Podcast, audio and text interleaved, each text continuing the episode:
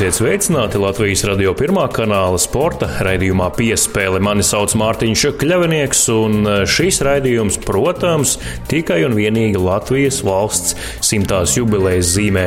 Šajā raidījumā ne tikai priecāsimies par Latvijas sportistu aizvadītajā simtgadē paveikto, bet arī ieskatīsimies nākotnē, lieki nevelkot garumā un ķeroties vērsim pie ragiem.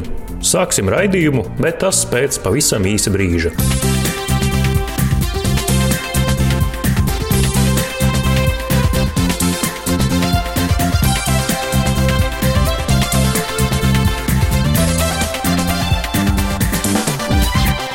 Latvijas radio pirmā kanāla sporta raidījums piespēle studijā es Mārtiņš Kļavinieks un sākam raidījumu ar atskatu uz nozīmīgu notikumu, kas aizvadīts šajā nedēļā. Tikai četras dienas pirms Latvijas valsts simtgades, 14. novembrī Latvijas sporta muzejā durvis vēra jauna ekspozīcija Latvijas olimpiešu goda zāle zelts, sudrabs, bronza, kas veltīta Latvijas valsts un arī sporta simtgadēju.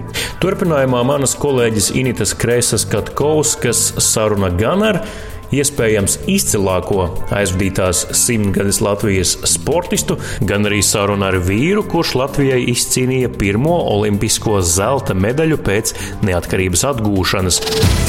Viņš bija tāds motivators, ka es arī gribu būt tur, kur ir viņš un darīt to, ko viņš dara. Visiem spēlētājiem mēs ticam, gaidām, un, un vēl nekas nav beidzies. Vismaz viena spēle mums noteikti. Jā saruna ar leģendārāko Latvijas sportistu. Es nebaidos pielietot šādus apzīmējumus. Jānis Lūsis, aizvadītā gadsimta izcilākais šķēpmetējs un uh, arī slaveni žurnālisti tieši jūs uh, nosauc kā pirmo.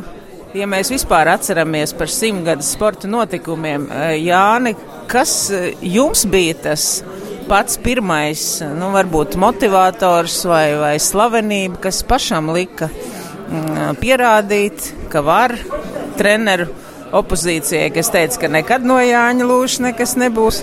Es jau, kad sāku nodarboties ar šķēpu mešanu, tas bija, kad es iestājos Latvijas Valsts fiziskās kultūras institūtā un nokļuvu pie Valentīna Mazālīša. Tanī laikā, kad mēs sākām savus treniņus, tas bija tie pirmie treniņi, kas bija taisni veltīti šķēpu mešanai. Tanī laikā, protams, man nebija neviena doma par to, ka es varētu kļūt par kaut kādu čempionu, rekordistu. Un, galvenais bija tā, man beidzot institūtu, lai es kļūtu par īstu speciālistu un būtu sev sagatavojis nākotnē. Tā, tāpēc mēs vienkārši gājām un trenējamies, lai sev mērķi sasniegtu. Tādā laikā Valentīns plānoja tikai institūtu beidzot, kā apmēram pirmās sporta klases līmenī. Grūti vai viegli bija tais laikos startēt zem PSRS karoga, kaut gan daudz jau ļoti labi atcerās, ka, lai tiktu lielajā izlasē, tas bija jābūt galvasties pārākam par jebkuru citu Krievu, kas tika paņemts. Nu, bez šaubām tā konkurence starp 15 republikām bija daudz lielāka. Tiešām, lai iekļūtu izlasē, vajadzēja būt tiešām augstākajā līmenī. Tas tomēr izdevās. Ja? Runājot par šo nacionālo tagad, Latvijas karoks, citas iespējas, kā jūs jūtaties šajā neatkarīgajā Latvijā? Kaut gan, protams, jaunības laiki ir pagājuši un ar tiem saistītās emocijas. Nu, diemžēl ne, man nenācās pārstāvēt Latviju kā tādu. Tagad Latvija kļuvusi neatkarīga, un tagad mums parādās arī jauni čempioni. Man nācās startēt PSRS izlases sastāvā, pārstāvot Padomju Savienību. Bet es uh, vienmēr atgādināju visos gadījumos, kad ja man ir runāšana arī ar žurnālistiem kad es esmu latviečs, kad es esmu no Latvijas. Jo, diemžēl, visi rietumu pasaule mūs uztvēra kā krievus.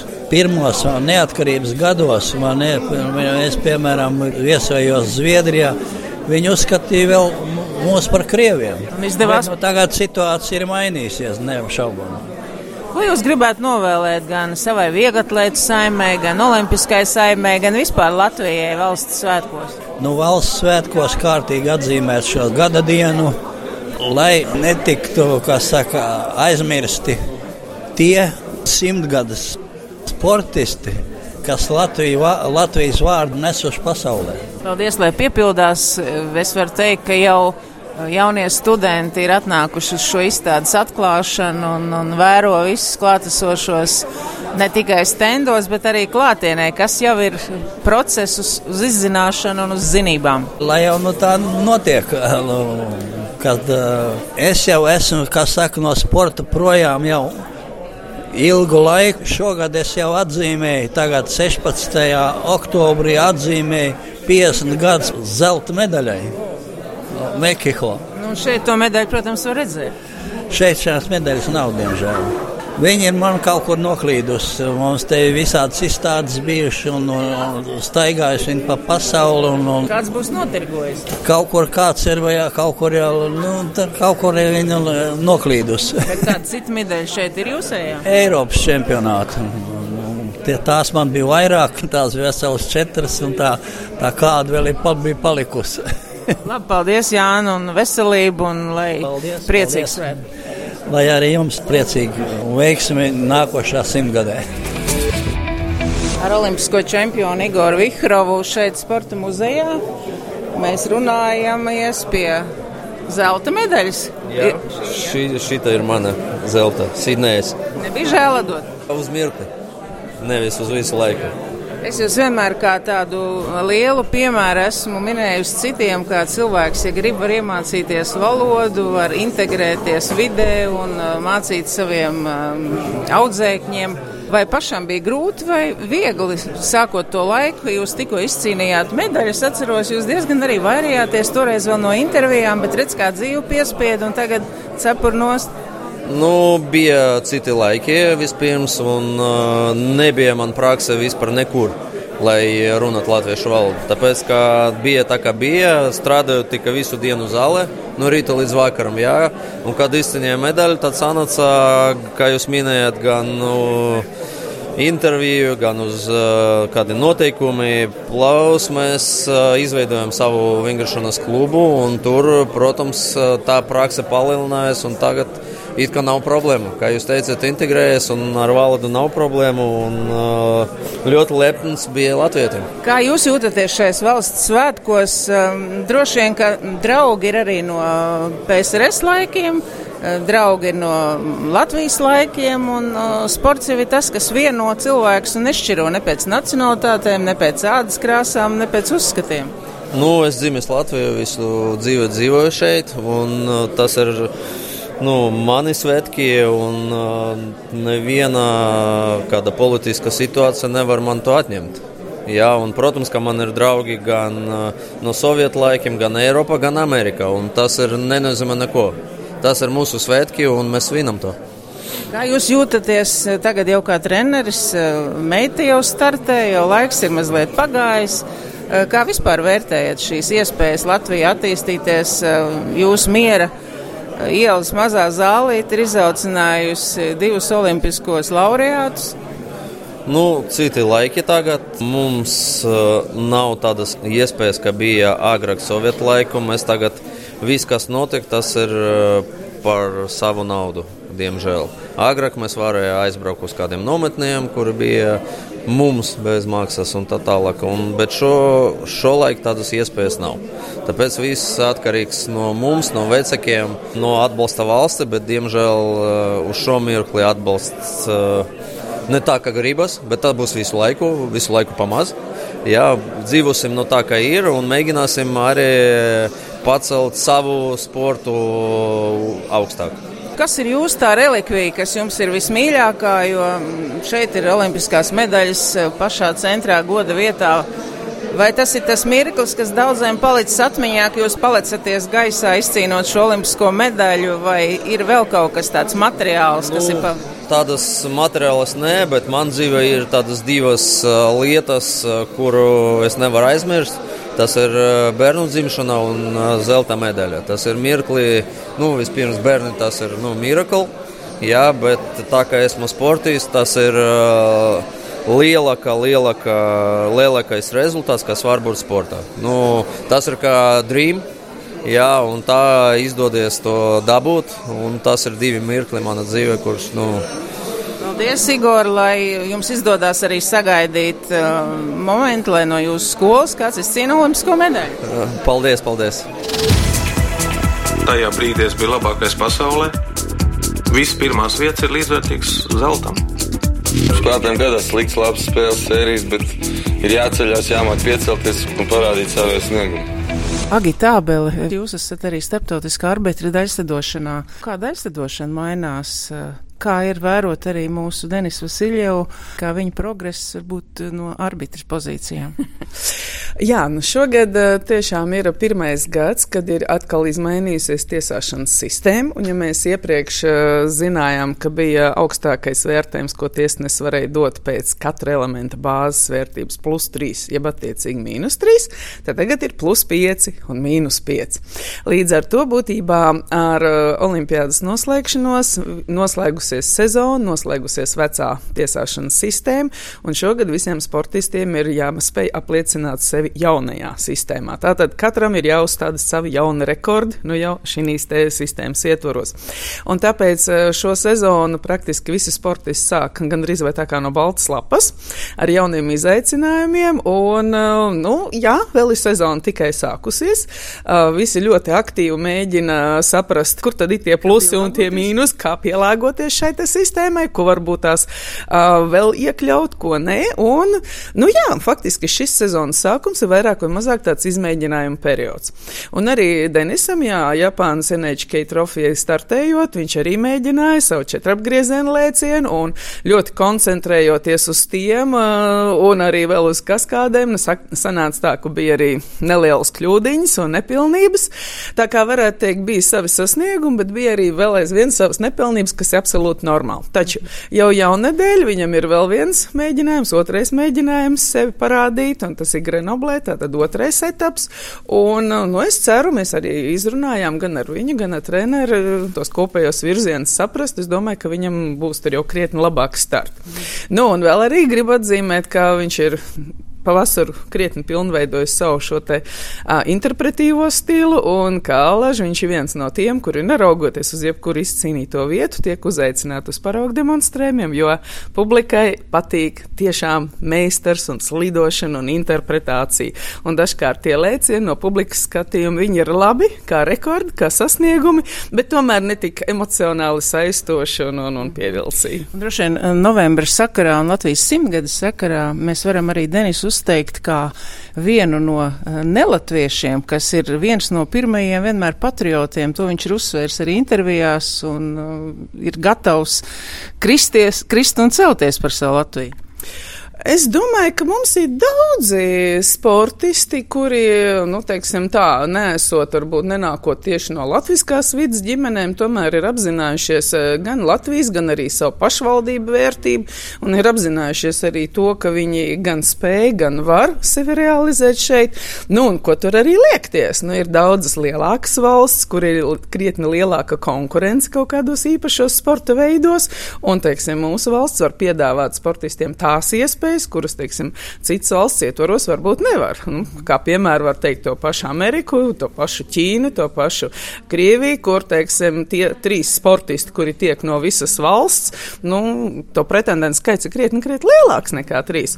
Nu, mums ir zināmā mērā paveicies, ka Denis ir arī, nu, ne tikai viens no puišiem, kas jau tāpat desadošanā ir retāk, bet arī vēl lielisks meistars un pilnvērtīgi var pārstāvēt Latviju pasaules Jā. sportā.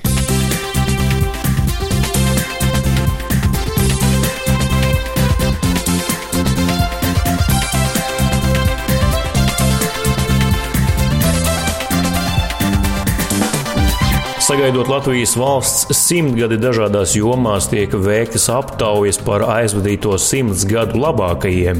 Arī sportā šādas aptaujas nav retums un veiktas pat vairākas, bet jau pirms Latvijas simtgades daudzi atzina, ka Latvijas basketbola izlases labākais un visu laiku labākais saspēles vadītājs ir Raimons Miglinieks. Ar viņu tad arī tiksimies raidījuma piespēle turpinājumā un runāsim par patriotismu, par par alkām pēc Latvijas zemes, esot Amerikas Savienotajās valstīs 90. gadu sākumā, un jauniešiem, cik viņos redzams patriotisma gēns, sārunā ar Raimondu Miglnieku raidījuma piespēle turpinājumā.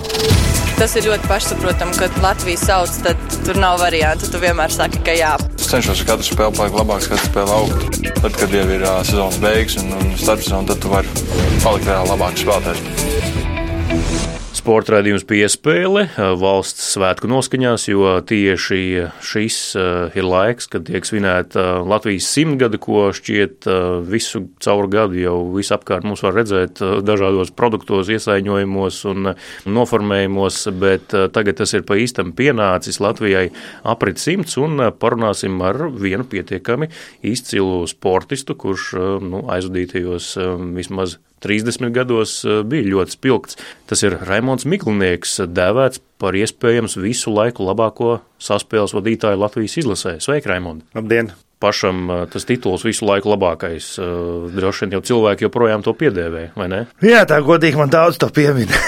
Protams, tas patīkami dzirdēt un patīkami, ka tev cilvēki novērtē to darbu, ko tu esi darījis. Man vienmēr bija tā, ka bērnībā es biju ļoti tendēts uz, uz, uz, uz grozu, un tas nozīmē mest pa grozu. Jā. Un uh, tad pēkšņi vienā brīdī man kaut kā, es nezinu, man tāds tā kā kliks ienāca galvā, ka tā varbūt tā bija tā basketbola spēle, tomēr tāda bija savādāka. Tas, tā piespēle man likās tāda daudz vērtīgāka un interesantāka nekā iemest to grozu varbūt. Es pats vienmēr baigi domāju, tās spēles analizēju. Es skatījos vienmēr, kur, kur aizsargi atrodas, ko viņi dara. Es nevis vienkārši nācu laukumā, o, tur tā kas saka, uzzīmēt kombināciju kaut kur. Dievam vienmēr patīk kaut ko kā, improvizēt un teiksim, apsteigt, tā kā šāhā gājienu pa priekšu, jā, vai arī jau trīs gājienus uz priekšu izdomāt, ko citi darīs, un tad es jau zinu, kā apmēram, ko viņi darīs, un es apmēram viņus kā, nu, apspēlēju. Jā, un... jā, nu tālūk par piespēlēm un Raimondu Miglnieku attiecībām ar tām, bet um, valsts svētku kontekstā šajā sarunā parunāsim vairāk par sajūtām esot Latvietim Amerikā 90. gadu sākumā un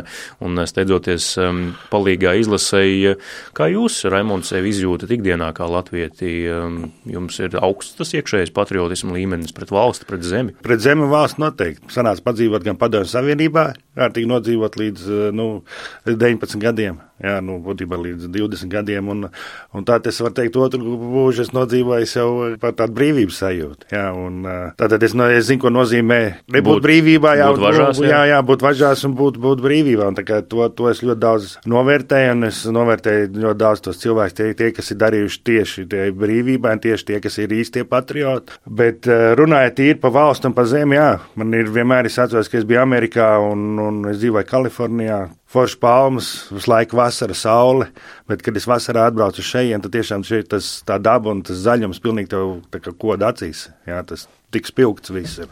Tur tāds viss bāls, atbrauc šeit, tur tā, tā daba vienkārši fantastiska. Es aizbraucu projām, kad man 21 gads, man liekas, bija. Un, un, uh, Būtībā, jā, tad tur sākās tās pirmās brīvības, un šī, te, te, te, protams, Latvijā bija kā visur, uh, tad, kad valsts nokļūst pie brīvības, sākās liela bardaka. Naudas nekā, nav, degvielas nav. Ne, ne, naudas nav, degvielas nav, bandītisms liels un, un, un, un nekārtības liels, un tāpat tās arī basketbolā bija bardaks liels. Tas bija viens no iemesliem, kāpēc arī es tajā 21 gadu vecumā izmantoju to iespēju un, un paliku Amerikā. Teiksim, tādā, tādā ziņā man paveicās, es mācījos Irmainas Universitātē, Kalifornijā un kas atrodas fantastiskā vietā un ļoti, ļoti skaista pilsēta pie paša okeāna malas. Tur arī nu, tur visi aktieri un kas tur un tikai ne tas tur. Un, protams, tajā, tajā brīdī tu izsprūst no šejienes ārā, un es saku vēlreiz, ka šeit bija tas lielais, tas, nu, kā saka, viss tas bandītisms, nekārtības un tas bardaks, un tu nokļūst tajā vietā, protams, es, es, man bija tāds sajūta, ka es tur gribētu palikt uz visu laiku. Protams, braukt šeit vasarās ciemos un vispārējais, bet tā, tā dzīve salikās tā, ka, nu, atbraucu atpakaļ uz Eiropu, uh, spēlēt profesionālu basketbolu un būtībā nu, paliku mājās. Ja būtu mazliet iegriezies maz savādāk, nu, man bija diezgan, nu, godīgi bija diezgan tuvu NBA, var teikt tā, milimetrā attālumā. Daudz, kur man pieminēja, ka es esmu bijis uh, sarkanā armijā, jā, tieši to uzsveru, un tas viņam tā kā, zina, viņam jau patīk amerikāņiem ļoti patīk, ka tev tas ir stāsts apakšā, ja kaut kāds interesants, ka tu neesi vienkārši. Un viņi tas visas tās iespējamās lietas arī piemin. Tā pirmie divi gadi jau, es saku, tur bija tā ļoti, es dzīvoju pie viena latviešu onkulīša, viņa mājās, viņa man arī to atrada un norganizēja. Un tā būtībā viņš jau bija tāds pavacāks, viņam bija trieku, tad mēs tur sanāca, ka sanāca palīdzēt un tā. 90. gadu sākumā ilgas pēc mājām, esot tik tālu projām pāri okeānam, kā tās var remdēt, jo nav interneta, tu nevari vienas vienas sekundes laikā veikt video zvanu un ieraudzīt savus mīļos tuvos. Ir, bija? ir, tas ir, tā ir. To. Godīgi bija baigs smagi. Tas pirmais pusgads, tu esi projām, vienalga, ja saku, kur tu esi, un, un tev pirmkārt neviena gan rīz drauga nav. Sākumā tu tā kā tāds sprīdīts tur, zin kā, ai, meklēt laimi, un tev, zin kā, nāk visādas grūtības pretīm. Un, eh, protams, pirmkārt, tā valodas barjera, to, to vajadzēja apgūt. Man sākumā vispār, es, man bija gan, mēs tur dzīvojam pie tā amerikāņi, gan krievs, gan es. Uh, un no amerikāņu, tad, zināmā mērā, tur, tur viss tur jā, jātūka. Man bija brīžiem, kad man galva sāpēja. Kā, bet, nu, jo tas bija laikam tik intensīvi, gribējās arī es mācījos papildus to valodu kārtīgi. Īpaši vārdus mēģināja iemācīties, cik vien daudz, un tad man tas amerikānis jau palīdzēja. Protams, ja mēs runājam par tām telefonu, tu tur nevar pazvanīt. Ja? Tur, nu, pazvanīt jau tu vari, bet tur jāatrāpās tajos laikos, un tas viss dārgi, kā tajos nu, naudas nav, arī nav tik vienkārši, un tad tu tur raksti vēstules. Es īstenībā kā tikko pie saviem vecākiem pāršķiroju tur pilns ar mantām, pie viņiem garāžā stāv, salikts augšā, un es tur mēģinu visu ko pa brīžiem izšķirot. Un atradu, ka tikko, ko tieši pieminēju, tieši tajā laikā manai mammai bija sūtījis kartiņu no turienes no Amerikas. Mm. es atradu un aizvesu mammai parādīt. Viņu bija kaut kur, jo tur jau bija rīktīgi nomest malā tāda liela sirdi, kā sajūtas, miedu, skumjas. Ja tam paņēmu uzreiz tā, jā, grūti bija, ļoti grūti bija sākums. Es biju no sākuma, mēs sākām pie, pie, pie viens pats, pēc tam man pirmā sieva atbrauc pie manīm. Vieglāk, bet mēs dzīvojam, saka, pie tā onkulīša arī. Viņam, viņam tur bija meita, un tad mums tā mazliet tā, tad, tad kad kaut kādas skumjas, tad mēs atceros, aizbraucām uz Losandželos, Los, Losandželosā uz Daugavas vanagiem, tur pa svētdienām, sestdienām vai svētdienām, tad tur ir latvieši, un tad tur tās, tiešām tur tāds, tāds mājas sajūtas, lai dabūtu. Tad tur ir tā lai tā, tā bija tā vieglāk palikt. Pīrādziņš cep, un tur kaut kāds stāvēt kāpost, viņiem tur bija un kas tur, un tad, tur, tā, tad tur arī sanāca iepazīties ar latviešiem, un tad mēs sākām ar viņiem tur tā kontaktēties. Viņi paši ir eh, sen emigrējuši, un es domāju, ka eh, viņi atcerās tās sajūtas, un es domāju, Tas, kas viņiem trūka, varbūt viņi man mēģināja iedot, lai es labāk tur justos. Pārlecam nedaudz laikā par eh, pāris gadiem, 1993. kad braucāt palīgā Latvijas izlasēji nu, kā jau teicāt, nu, nekā nebija. Forma nebija, naudas nebija. Kas tas vispār bija par pasākumu, kā jūs tur ieģērba, apģērba un kā jūs spēlējāt? 93. gada tā, oi, tas bija. Tā, tas bija. Nebija ne formas, ne, ne kedas, un, un, un es atceros ģirta zelta tenisists Cik viņš tieši bija no tās pilsētas, tad viņš mums tur norganizēja formas. Un, uh, mēs spēlējām kaut kādu vāciešu formām, un uh, tam mums vēl kaut kāds kedis jauns iedeva. Un tajos laikos tas jaunās kedis jau bija tā, ka tu uzvelc, viņš tev diezgan tur tā nebija ērts, viņš tur, tur berza. Mums jau tas bija normāli, nekas jau tas mums, pa, kā saka, pa morāli, pa nu, nedeva, ja, ka mēs tur tādu pārdzīvot kaut kādu formas. Nē, mēs jau, ko tad, mēs kā tikko no, no tā saka, padomju skolas iznākuši ārā, mēs pie vis bijām pieraduši. Un uh, tas neko tādu baigāko iespēju mums tur, teiksim, uz spēlēšanu neatstāja tieši otrādi, ka mēs to čempionātu ļoti labi aizvadījām. Tam par pamatu bija arī tas, ka nu, tā bija viena no pirmajām Latvijas izlasēm un nu, gods pārstāvēt savu jauno to valsti vai, vai tam līdzīgi. Nu jā, es domāju, protams, nu es domāju, ka tā sajūta, protams, ir pavisam savādāk. Nevis, ka tu tā tu tiec spēlēt pret visām labākajām Eiropas komandām nu, un pārstāvēt savu valstu mazo ja, un mēģināja parādīt viņiem, ka tu esi labāk, jo būtībā visiem, visām tām valstīm spēlē tur zvaigznes. Es atceros, tur Grieķiem bija tur Janākis, un tur pašiem Krieviem, un tur visiem bija, bija ar tādiem, kas spēlē ļoti lielos klubos. Un, un būtībā mums, mums neviens spēlētājs nebija, kas eh, spēlēt kaut kādos tur labos klubos. Man liekas, vispār neviens nezināja, var teikt, kas mēs tādi esam, bet mēs uzvarējām Izraēlu, mēs uzvarējām Itāļus. Mēs tikām top astotniekā. Pārlecot uz šodienu, jūs jau arī eh, minējāt aizkadrā, ka šobrīd arī trenējat jaunos censoņus eh, brāļa sporta skolā. Kā jūs varat varbūt eh, viņu sajūta par Latviju, salīdzināt ar sevi, varbūt kādreiz, cik ļoti viņi, viņos ir ieaudzināts latviskums, patriotisms, šādas jūtas. Amerikā, ko es ieraudzīju, tas bija tāds Viņam ļoti labi, viņi māk ieaudzināt to patriotismu. Ja? Tu nevari vienkārši tā pateikt, ka tu jābūt patriotam.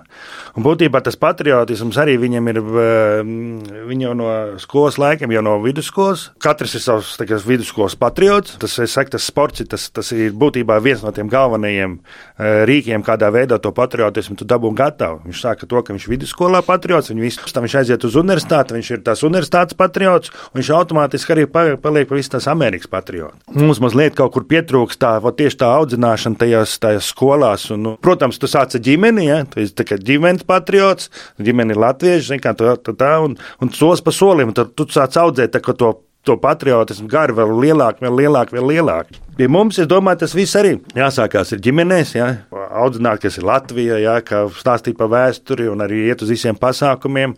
Tas ir tādā veidā, un arī vidusskolās, es domāju, skolās daudz par to jārunā. Un eh, es eh, citreiz braucu ar vilcienu, un, teiksim, arī, ka bija pagājuši svētdien bija pasākums, pilns vilciens ar bērniem un, un vecākiem. Un eh, viņi brauca pilns vilciens ar bērniem un vecākiem, karodziņiem, visu, un tas jau vien jau parāda. Es domāju, ka tas tajos bērnos tas patriotisms tiek audzināts pareizā veidā. Bet daudzi saka, ka patriotisms jau nav piesprāst karodziņu pie, pie krūts. Jā, bet kā, kā tu, tu savādāk, kā tu noteiksi, viņš ir patriots vai nav? Vai nu jābūt ir karam, vai mums viens rādītājs ir patriotisms, nekur var astīties Latvijas basketbola spēle. Protams, ka tev tie panākumi ir, jā. Nu, zāles ir pilni, jā, uz Latvijas basketbola spēle. Tas arī ir viens, viens moments, ka parāda, ka latvieši ir patrioti. Jā, mēs... jā, šis sauklis arī mūsu zeme Latvija, kas ir Latvijas jā. basketbola izlasē. To viņi labi izdomāja, tas tāds foršs. Izlase, ja reiz pieskarāties arī par to nedaudz, varam parunāt. Šī jaunā basketbolista paudze, kas ir tagad izaugusi līdz spēka gadiem, sākot jau ar Kristapu Porziņu, tie paši brāļi Bertāni, arī Jānis Tīma, Jānis Strelnieks. Labi laiki Latvijas basketbolam sākušies, jā? Jā, jā, tāda ļoti laba paudze.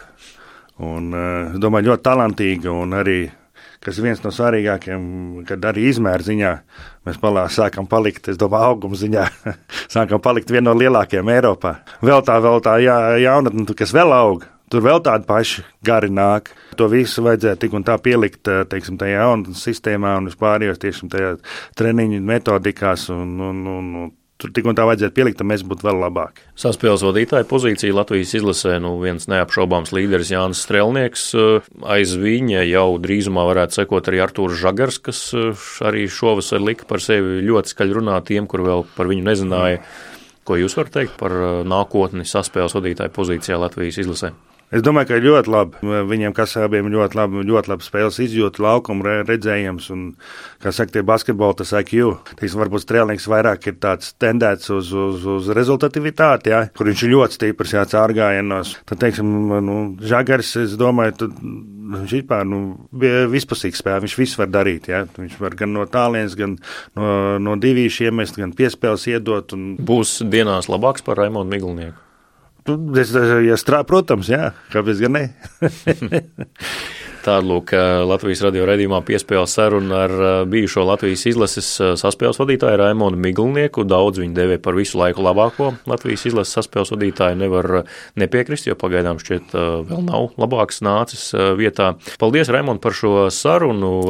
Ko jūs varbūt sarunas izskaņā vēlat Latvijai nākamajos simts? Jā, paldies par sarunu. Un, un, es saku, mums visiem būtu jāpriecājas par to, ka mēs uh, dzīvojam šajā laikā, ka mēs varam piedzīvot Latvijas simtgadi. Latviešiem mēs varētu uh, novēlēt, tas tā banāli būtu vai kas, bet, nu, lai tiešām mēs latvieši viens otru mīlētu, nevis, kā saka, to veco teicienu, ja, ka mums viens latviečs ir, otrs latviečs ir garšīgs, ja, otram mm. latvietim. Un, katrai tautai savu teicienu, bet mums tāds teiciens ir ienācies. Būtībā es gribētu, lai mēs to teicienu pamainām un tiešām esam patrioti un viens otru atbalstam un, un viens otru mīlam. No jūsu mutes, kā saka, divi ausī. Paldies, Raimond, par šo sarunu. Paldies jums liels!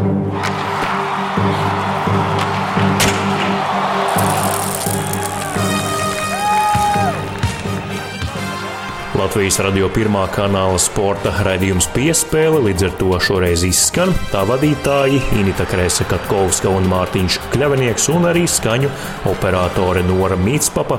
Sveic visus klausītājus Latvijas valsts simtajā jubilejā un novēl jums palikt tikpat stipriem Latvijas patriotiem arī nākamajos simts gados un paralēli tam arī klausīties Latvijas radio sporta raidījumus.